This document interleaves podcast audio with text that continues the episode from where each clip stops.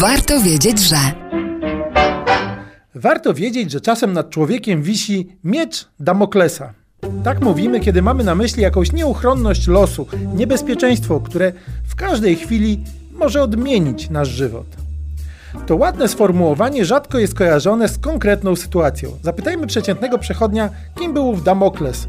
Bez jego miecza trudno będzie nawet sobie skojarzenia przypomnieć. A to historia jednego z dworzan Dionizjosa Starszego, który na przełomie V i VI wieku przed Chrystusem był władcą, czyli ówczesnym tyranem Syrakus, które całkiem łatwo nawiedzić w czasie wakacyjnych wędrówek można we wschodniej Sycylii.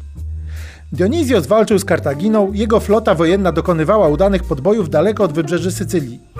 Gościł u siebie Platona, ale ten niespecjalnie się tam czuł dobrze. Dość powiedzieć, że po konflikcie z władcą filozof musiał uciekać z wyspy.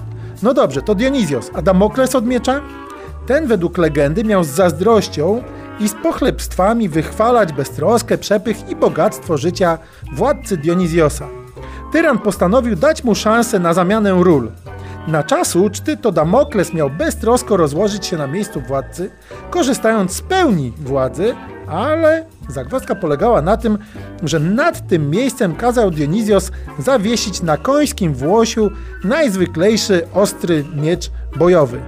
Tak, aby Damokles, korzystając z władzy i przepychu, wiedział, że w każdej sekundzie miecz może spaść i zakończyć i ów przepych, i bogactwa wraz z żywotem władcy. Szybko się okazało, że jednak Damokles nie chce już ani władzy, ani bogactwa. Szczerze mówiąc, ja go rozumiem.